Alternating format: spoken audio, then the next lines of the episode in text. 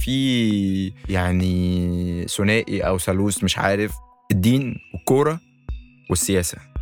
الناس دايما عندها مشكلة كبيرة جدا إنها تتقبل الرأي المضاد ليهم في الثلاثه دول. خليني أنا أكون الصوت اللي بيوصل نفس الأفكار يلي كتير عالم بتفكر فيها بس يمكن بتخاف أو تستحي من المجتمع تحكي عنها.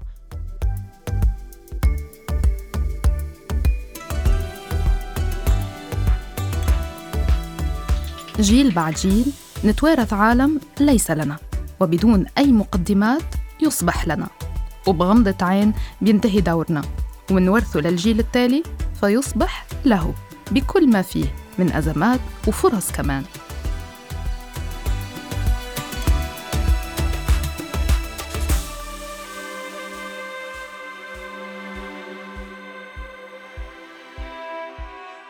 بودكاست لنا من مناظرات الدوحة. مساحة لتلاقي جيلنا اليوم. لمناقشة ومحاججة أفكارنا وتجاربنا على اختلافها. ونتلاقى ونختلف برؤياتنا لواقعنا ومستقبلنا. بلساننا. مهما تعددت آرائنا رح يضل صوتنا لنا, لنا.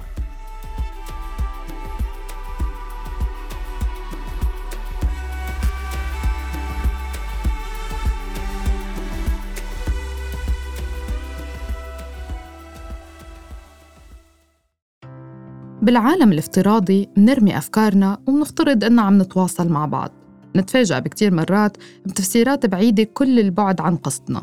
وأحيانا نكتشف صورة لنا بأذهان الآخرين مبنية على تأويل لستوري أو تغريدة مثلا من 140 حرف. كبرت التغريدة على فكرة بس ما تغير ضيق العلب اللي بنصنف فيها بعض على مواقع التواصل افتراضياً. كأننا مش جايين نتواصل مع بعض. جايين نتفق بأحسن حالاتنا على إننا ما قادرين نتفق. هل نوقف هون وخلص نرضى بالأمر الواقع؟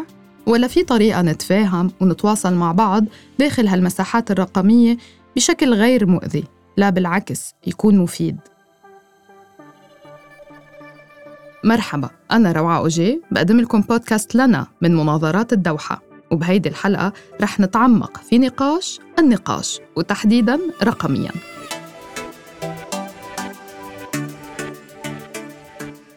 معنا ضيفين عايشين بدهاليز ال social media ورح يحكوا لنا عن تجاربهم بالنقاشات اللي خاضوها وشهدوا عليها رقمياً. رح نسمع من ضيفتنا ستيفاني حداد صانعة محتوى لبنانية مقيمة بالإمارات وأيضاً ضيفنا محمد مصطفى من مصر بيشتغل كمدير لحسابات رقمية عربية متخصصة بكرة القدم. وبين عالم ستيفاني وعالم محمد تقاطعات واختلافات كثيرة. أنا كنت موجود على السوشيال ميديا بشكل عام أو كنت بستخدم الإنترنت أصلا في مصر من أيام زيرو ثلاث سبعات خمس والحاجات دي. وحبيت بشكل عام فكرة العالم ده يعني فكرة إن هو عالم منفصل يعني. قبل مواقع التواصل أو السوشيال ميديا بشكل عام كان في المنتديات فدي كانت البداية بالنسبة لي. فكنت بحب أتابع مثلا أخبار الكورة. أنا مثلا بشجع كورة من زمان جدا فكنت بشوف دايما إن هو مكان أقدر أتعرف على على ناس قريبة مني في نفس الهوايات يعني. ف...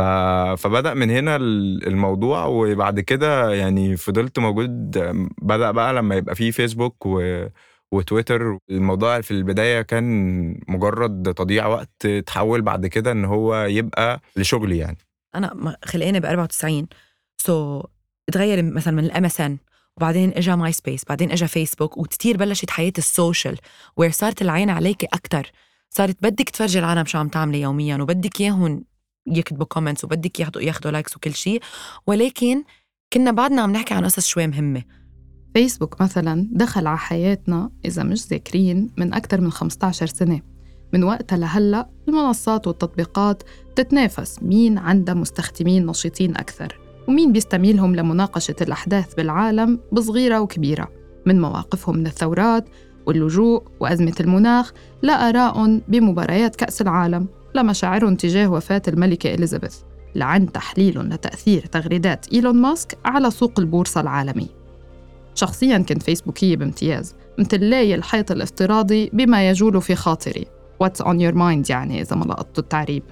بعدين تعرفت على تويتر صار تويتر مساحة التعبير عن الغضب الجماعي بالنسبة إلي وفيسبوك مساحة الخواطر الشخصية. طولت لتأقلمت مع إنستغرام.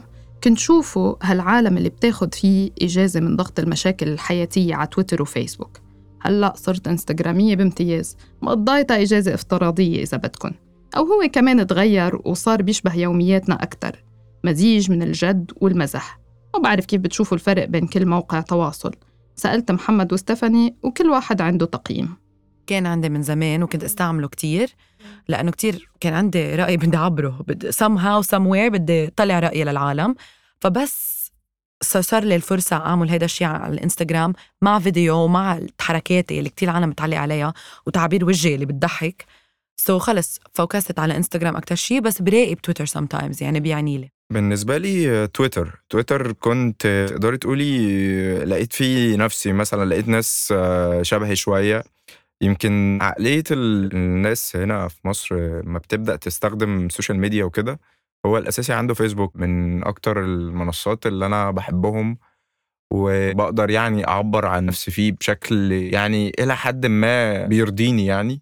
عكس فيسبوك أو إنستجرام مثلا ممكن بعد كده ممكن يكون فيسبوك شوية وده ليه سبب ليه علاقة بشغلي أكتر عشان أنا من أكتر حاجات ما بحبهاش هي مش عارف ممكن أقولها ولا لأ بس comments الناس دايما بتبقى بتبقى واخدة دايما اتجاه سلبي جدا جدا انتقاد أو تنمر أو فبحس هو ده موجود في السوشيال ميديا كلها بشكل عام بس أنا بحسه إن هو أكبر في فيسبوك. الناس بتبقى قاسية شوية مش عارف. منقضي وقت لا بأس به. عم نكتب ونمحي مسودة لتغريدة أو منصور ساعات كرمال نختار لقطة أو كم ثانية. نجمعها ونركبها ونرتبها بفيديو يعبر عن حالة شعورية ما. أو منكون حابين نتسلى ومنستحلي نشارك بالترند مع الجموع الغفيرة أونلاين. بس لحظة الحقيقة لحظة ما يطلع المنشور من تليفوننا ويوصل لأصدقائنا أو متابعينا شو بيصير؟ بالأول بعتقد كتار كانوا مثلي برمي كل شي بفكر فيه على مواقع التواصل بإنفعالية عفوية. على القليلة هيك كنت شوف الجيل الأول أيام ما كنا نقدر نعد متابعينا على أصابع الإيد. كان كل الحكي ململم إذا فينا نوصفه هيك. مع الانتشار تغيرت قواعد اللعبة. طبعا أنت بس تحطي حالك قدام العالم كلها لازم تكوني جاهزة إنه مش الكل رح يحبك وفي عالم يمكن ما يعجبها اللي عم تعمليه ورح تقلك. ما رح تضل ساكتة. هو بشكل عام كده اولا في جزء من شغلي متعلق بتوقع رد الفعل. يعني أنا وأنا ببوست حاجة معينة مثلا أنا عارف ردود الأفعال اللي هتجيني. لكن كتير أحياناً التعليقات اللي بتوصلنا بتكون مش على قد التوقعات أو بتجذب اهتمام ما حسبنا له حساب. والأسوأ إنه قد توصلنا تعليقات جارحة على حسب الموقع. شخصياً بلاحظ سلبية أكبر على تويتر. بضلني بقول الناس على إنستغرام ألطف. فأكيد بس تحطي حياتك قدام الكل وتحطيها بابليكلي قدام المجتمع لازم تكوني جاهزة ما فيك تنقي وتبكي. ليه عملوا هيك؟ إيه؟ ما أنت اعطيتي الفرصة. لو ما اعطيتي الفرصة من الأساس خلص بس اعطيتي الفرصة بدك تكوني جاهزة لو شو ما إجا. جاي تربي مجتمع آدم وحواء كله يعني ما فيك ما فيك تغيري كل العالم. تقبليها وكوني قدها وقدود وشدي حالك وتعلمي كيف تنقي منها وما تنقي. أنا ضد النق كليا by the أنا الضحية في كل حاجة في حياتي أنا الضحية. لا هيدا قرار. كلنا بدنا نحكي رأينا ودايما معرضين لمحتوى وآراء غيرنا طول الوقت. ساعات كل هالصخب بيبعدنا فعليا عن أرض الواقع. في مواضيع كتير عم تاخد attention وعم تاخد من وقت قصص أهم. so أنا بس اتفرج واسمع اخواتي شو عم بيحكوا مع اصحابهم ما حدا بيحكي بقى عن سياسة مهمة أو التاريخ المهم أو presidents مثلا وينستون تشرشل أو أو بيونسي مثلا يلي هي my idol بالحياة إنه كيف كانت هي وصغيرة وكيف كبرت وكيف تخطت كتير صعوبات صارت مشهورة هلأ. هلأ بس بيعرفوا إنه هي هيدي بترقص على تيك توك فبتعمل 40 مليون دولار بالشهر. فصاروا يحسوا إنه هن ما لازم يشتغلوا بقى تيصير تا, تا يطلع لهم يلي بيستاهلوه. لازم بس مثلا ينزلوا فيديو على تيك توك تينشهروا then خلص this is all you need. فما ما عادوا يعرفوا قيمة الشغل وعن جد إنه تتعذبي وتتعبي وتقدمي كتير وقت من حياتك ليطلع لك شيء بالمقابل. سواء كنتوا صانعي محتوى أو ناس عادية بتضيع وقتها على منصات التواصل الاجتماعي مثل أغلبنا يعني دايما رح يكون في رأي معاكس أو حتى رأي بيلفت نظرك لشي كنت بتغفل عنه. بدك تكون جاهز. إذا هالقد بهمك هيدا الموضوع اللي عم تحكي عنه بدك تكون جاهز للتناقض مثل ما قلنا قبل شوي. عادي هو ده لو رأيك وأنت مقتنع بيه 100% خلاص قدمه للناس بس استحمل بقى رد الفعل أو أو قابل خلاص أنت هت هتبقى مقتنع إن دي قناعاتك فما فيش شيء المفروض يهزك ضد ده. أنا مثلا مختلف مع والدي مثلا في الآراء اللي ليها علاقة ممكن سياسية أو دينية مثلا بقالنا عشر سنين أو 12 سنة مثلا فاهمة؟ عمري ما دخلت مناقشة معاه وحسيت إن هو اتغير في حاجة أو أنا اتغيرت في حاجة. هو دايما متمسك بآراء وأنا دايما متمسك بآراء ودايما ب... بنوصل لنقطة لا إحنا عمرنا ما هنتفق. أكتر شي بيستوقفني هون هو تعبير استحمل أو بالأحرى بيستفزني. خصوصا لما بيجي مع مصطلح هيدا تمن الحياة العامة. كأنه نحن ما منعيش أي حياة عامة قبل مواقع التواصل. لا منتفاعل مع بعض ولا منعبر عن آرائنا. وبعدين لما نقرر نخوض هيدي المغامرة على مواقع التواصل في تمن لازم ندفعه. وكأنه امتياز مثلا وليس بديهيات الحياة بمجتمع. كأنه العادي والمعهود على منصات التواصل الاجتماعي هو الهجوم. وإنه لازم نجي على حالنا ونتحمل النقد اللي بكتير أحيان بيكون فعلا عنيف. بس ليش في ناس مستعدة تسبب هالنوع من الأذى؟ عشان الناس أجرأ من ورا ال- الشاشات. هو كده كده مش هيواجهك بنفس ال- الغشومية دي أو بنفس ال مش لاقي تعبير يعني بنفس ال- القوة دي يعني هو لو قاعد بيتناقش معاكي يعني فاهمة؟ حصلت أوقات كتيرة جدا على فكرة آه، إن في ناس مثلا آه، بتبقى بتقول آراء قوية جدا أو الناس بي- بيت- بيتخانقوا مع بعض بشكل عام. بيتخانقوا مع بعض على على على السوشيال ميديا وينزلوا يتقابلوا مثلا بالصدفة في مكان ما. بتلاقيهم بيبتسموا في وش بعض. وتلاقي الدنيا أهدى. طب يا جماعة أنتوا ليه بتعملوا كده أصلا على من ورا التليفون؟ فالتليفون دايما بيدي جرأة كبيرة جدا إن أي حد يقول أي حاجة. آه والناس بتعتقد إن هو خلاص إحنا مش هنشوف بعض بقى فأنا ممكن أشتمك ممكن أعمل أي حاجة يعني. وكده كده أنت مش هتشوفني تاني يعني. في emotional intelligence لعالم لو شو ما كان عمرها ما بيتقدموا. يعني بيوصلوا لمرحلة خلص بيعملوا block لأنه بيتخبوا ورا اسمهم يلي هو x45 underscore شوكولا. يعني ثلاث أرباع الوقت يلي العالم اللي عن جد بتأذي بكلامها ما عندها profile picture وما عندها اسم كامل. يعني عم تستخدم مثل alias persona ما حدا عارف وينهم وبأي بلد وشو بحبوا وعندهم zero posts ثلاث أرباع العالم يلي بتناقض وبتأذي و aggressive هن هو العالم. ضيوفنا بيشوفوا إنه هيدا الأسلوب التهجمي كمان بيزيد مع الشهرة أو كون الإنسان بيمتهن السوشيال ميديا وكأنه كل ما زاد عدد متابعي الحساب كل ما قل تأثره بالتعليقات السلبية. مش ما حدا بيستاهل التنمر ولكن لازم يكونوا جاهزين ولازم يطلعوا قدها وقدود واذا مش قادرين يمكن هذا المجال مش إلهم. يعني إذا أنت بدك تكوني مشهورة وبدك كل العيون عليك لازم تمرني نفسك تتحملي يا كان التناقض يا كان الإيجابية يا يمكن مش إلك المجال وفله بس ما حدا بيستاهل التنمر. لأي حد موجود على السوشيال ميديا لو انت بقالك سنين موجودة في المجال ده ك influencer أو ك content creator أو social media editor أو حتى مجرد متابع انت بتتوقعي رد الفعل. لازم تتوقعي رد الفعل. عدم توقع رد الفعل ده فشل كبير جدا لأي حد بيقول إن هو أنا موجود على ال social media أنا influencer أنا أنا أنا أنا أنا. يعني الوضع صاير إنه لازم نتحمل عواقب منشوراتنا كأنه ذنب علينا إنه يكون في اختلافات بالرأي. التنمر منه محصور على المشاهير وصناع المحتوى وال influencers وبس. يا أخي يمكن أنا إنسانة عادية وعندي رأي شائك وما توقعت رد الفعل. شو بعمل؟ من تجربتي لازم نرفض التنمر وما نسكت عنه حتى ما نترك المساحة لهالأصوات. بس كمان ضروري نبني نوع من المناعة ناخد نفس نصحح نفسنا إذا كنا غلطانين. ونتذكر إنه العمر الافتراضي لل post كتير قصير. في شي جديد حتما جاي ورح يلهي الناس عنا. بس عندي تساؤل شو بنعمل بهيدا الوقت القصير؟ يا أما بتقوم القيامة يا أما بنسكت؟ ما فينا نتحاور بالعقل والمنطق؟ في ناس جزء من شهرتها مبني على فكرة إن هي بتقول حاجة مثيرة للجدل الله أعلم هي دي قناعاتها ولا مش قناعاتها تمام؟ بس هي عارفة إن هي هتتشتم أو إن هي هيتسف عليها أو هي هتنتشر لما هتقول كده. يمكن مؤخرا الناس بدأت شوية تجيب ورا من حتة الإهانات من ناحية إن أنا ممكن زمان كان الناس ممكن تهين بعض بالشتايم ويبقى عارف كده كده مش هيقع تحت طائلة القانون يعني. فبيبدأ يشتم اللي قدامه هو مش فارق معاه يعني هو كده كده هيجيبني منين يعني؟ هو هيشوفني فين يعني؟ فاهمة؟ فدلوقتي الموضوع بقى أقل شوية أقل حدة شوية من ناحية التهجم. يعني الناس م... آه بيحصل يعني برضو ستيل لسه موجود وفي ناس اللي هو بتبقى خلاص أنت كده كده أنا في, في بره مصر أصلا أو أنا مش مش في المكان اللي أنت موجود فيه فخلاص مش فارق معايا. ده ستيل لسه موجود.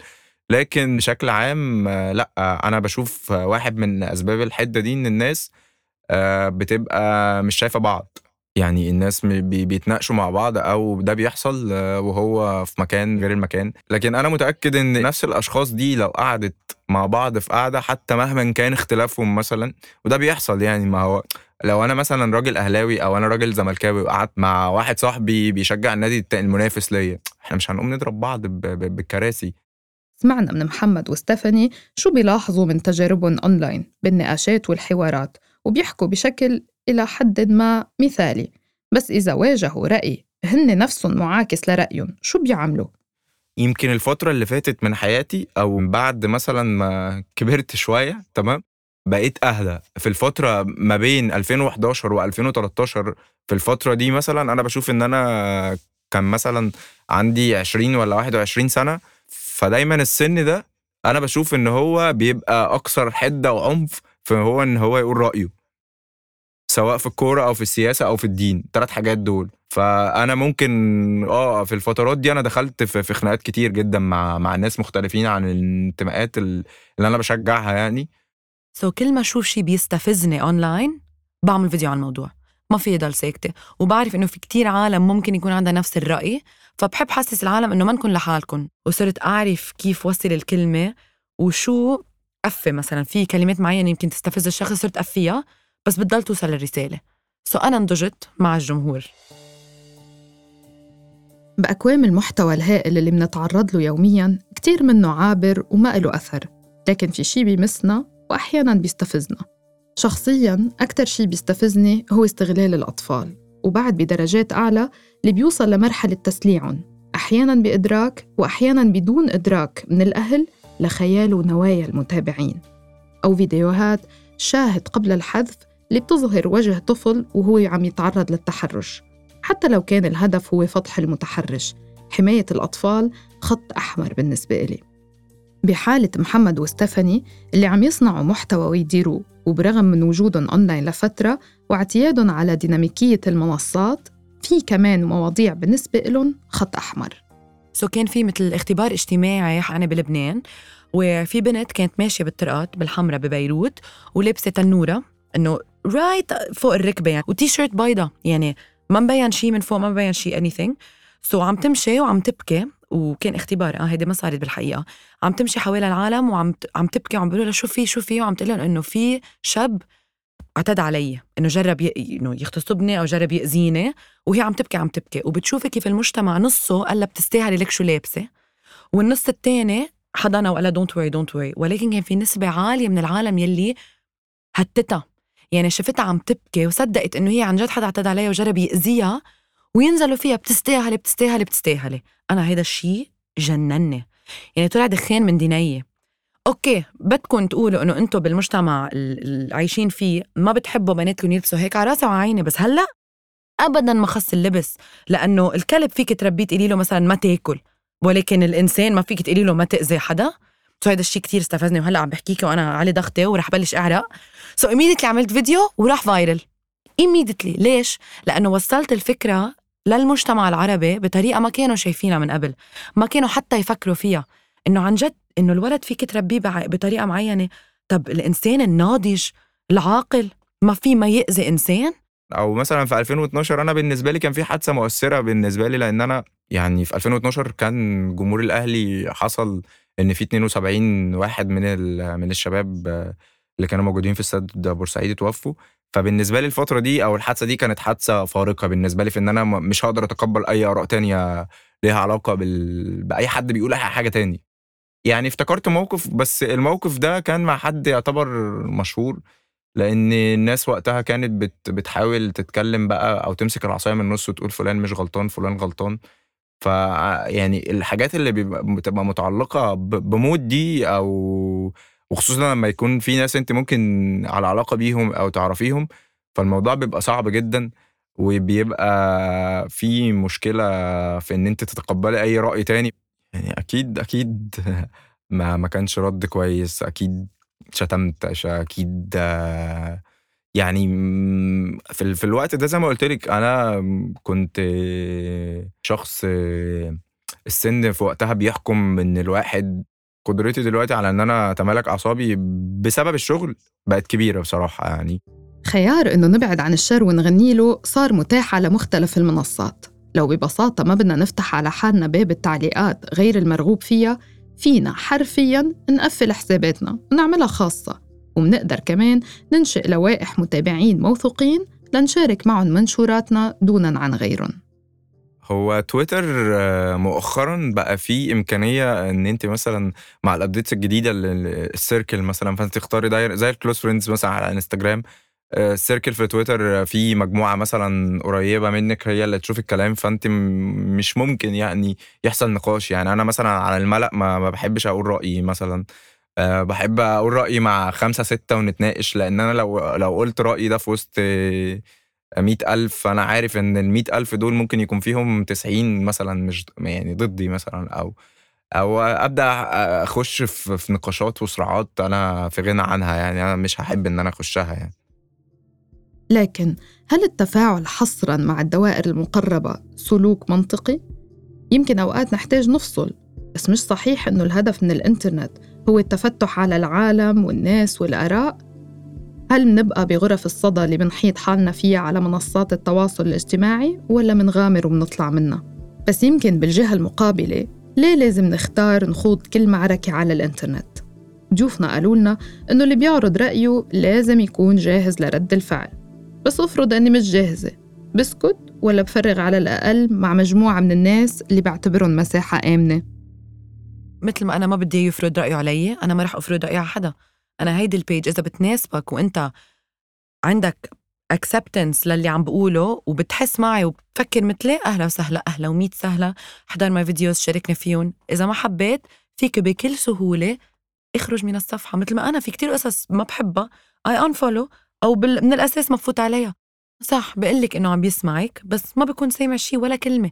بس بكون ناطر جوابك بس تيحضر رده مش تا عن جد ياخد ويفكر شوي ويعمل reflection so آه لا صايرة كتير قدامي ومعي شي أكيد بتوصلي لمرحله where بتحترمي رأي الآخر وبتعرفي هو ليش هيك بفكر وبتفهمي وبتتسامحي إنه مش وظيفتك تغيري رأيه. يعني دخلت في مناقشات كتير جدا وما حسيتش في مرة بعد لما خلصت مناقشة مع حد آه، قدرتي إن أنا أكون غيرت حاجة أو هو غير فيها حاجة آه، اختلفت يعني. في ناس بتبقى عندها بعض الآراء متمسكة بيها بشدة يعني هو شايف إن ده حلال أو ده حرام وهو مش قادر يتقبل رأيك التاني فاهمة؟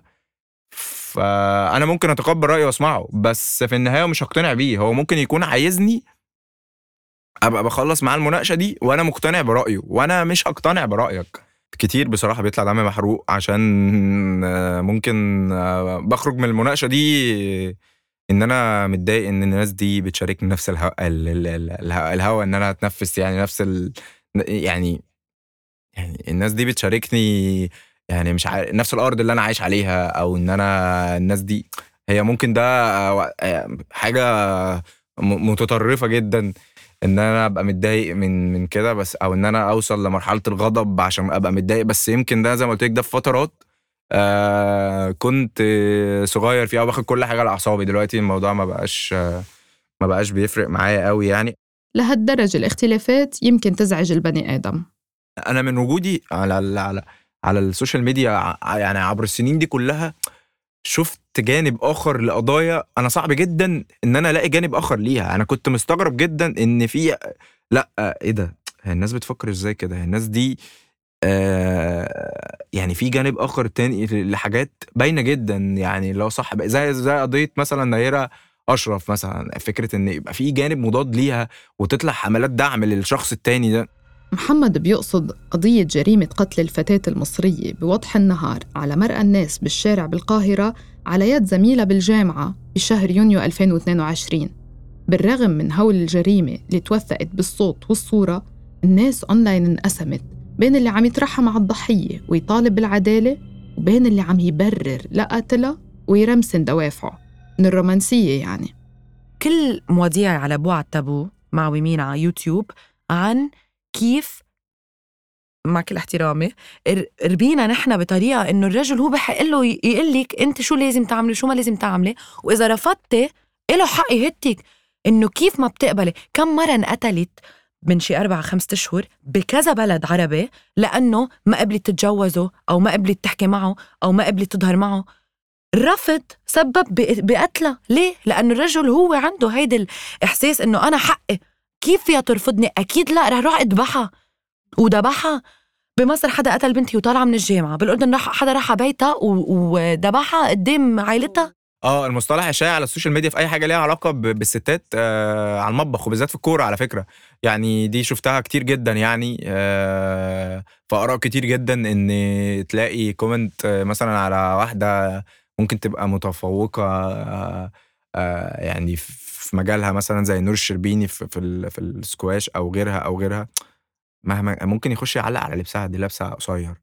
آه مش عارف حكمه الفلانية بتحكم وغلطت مثلا آه دي مكانها المطبخ. ده ال comment الشائع دايما ودايما اعتقاد خاطئ عند الناس. أنا دايما بحس إن إن جملة على المطبخ دي اللي بشوفها في ال comments كتير جدا مهينة جدا. في تعليق آخر بيضحكني. بس هو كوميديا سوداء بالواقع. ما في رجال يضبّك؟ لما سألت محمد كيف بيتعامل ك admin أو مدير للصفحات مع هيدي التعليقات وغيرها من المناقشات لو انحدرت لصراعات حكى لي إنه عادة ما بيتدخلوا. ممكن على فيسبوك إذا في حدا كتب تعليق مؤذي يخفوه يعملوا له هايد مشان ما يظهر. ومع الوقت لو تكرر هالشي بيعملوا للشخص بلوك. لكن على المنصات التانية مثل تويتر ما بيقدروا يعملوا شي كتير. بيكون على حسب الموقف ولكنها بتضل مساحة حرة للنقاش برقابة بسيطة جدا. شخصياً عاملة لايحة بالمصطلحات غير المرغوبة اللي بتوصلني بكل اللهجات تنحذف بشكل تلقائي من دون ما أشوفها. مع عدم وجود حدود واضحة بيرجع بيلفتني إنه الرجال مهما علوا السقف بمنشوراتهم ما بيجيهم تعليقات من هالنوع. من هون بفكر هل هيدا النوع من التعليقات محصور بفئة معينة وبلد معين؟ أو ممكن مثلا يختلف من جيل لجيل؟ كيف منستخدم الإنترنت ك millennials؟ وشو الفرق بيننا وبين ال Gen Z وال boomers؟ عايز أقول لك ان أنا من الرأي نفسه بتوقع الشخص ده عنده كام سنة وفعلا بيبقى حقيقي. يعني دايما الآراء ال aggressive قوي اللي هو داخل دايس بنزين ده تمام؟ ده بيبقى من 15 وانت مثلا طالعة لحد يعني دايما الآراء المتطرفة اللي هو بقى لسه حمية الحياة واخداه. رأي ستيفاني كان تقريبا العكس. yes في فرق 90% من الوقت تما اكون too much إيه عم فكر شي أكيد معلقة على الماما كيف تكتب وكيف بقارن إنه كيف مثلا ممكن كان فيها تكتب. التوبكس يلي ما كتير معودين عليها بالعالم العربي بس نحن نشوف شي ما منوافق برأيه sometimes بنغض النظر. عن جد sometimes بنقول خلص بلاها. بس في عالم بجيل أهلي وبعدهم هن حاسين ومقتنعين إنه هي واجبتهم يغيروا ويفرضوا رأيهم على الآخر. so so, الطريقة اللي بيوصلوا فيها ال message إنه لا كيف فيك تعملي هيك ولو هيدا غلط تفكيرك غلط. بيقولوا لك إنك غلط. بس الأصغر سن مثلا اللي بجيلنا نحن بحس بيوصلوا الفكرة إنه okay عم بفهم شو عم بتقوليه وبفهم ليه عم بتقوليه ولكن في شي مرة فكرت تشوفيها من هالناحية you know فما بهتوا الشخص بيقولوا له إنك غلط. بيقولوا له okay فهمتك. ولكن في شي مرة فكرت فيها من هالناحية.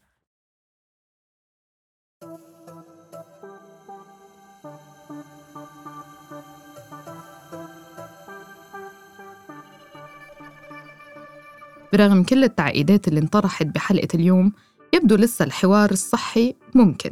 so في طريقة التوصيل بكل شيء بالشغل بالحياة العاطفية مع العائلة بكل شيء. so طريقة التوصيل هي اللي بتفرق.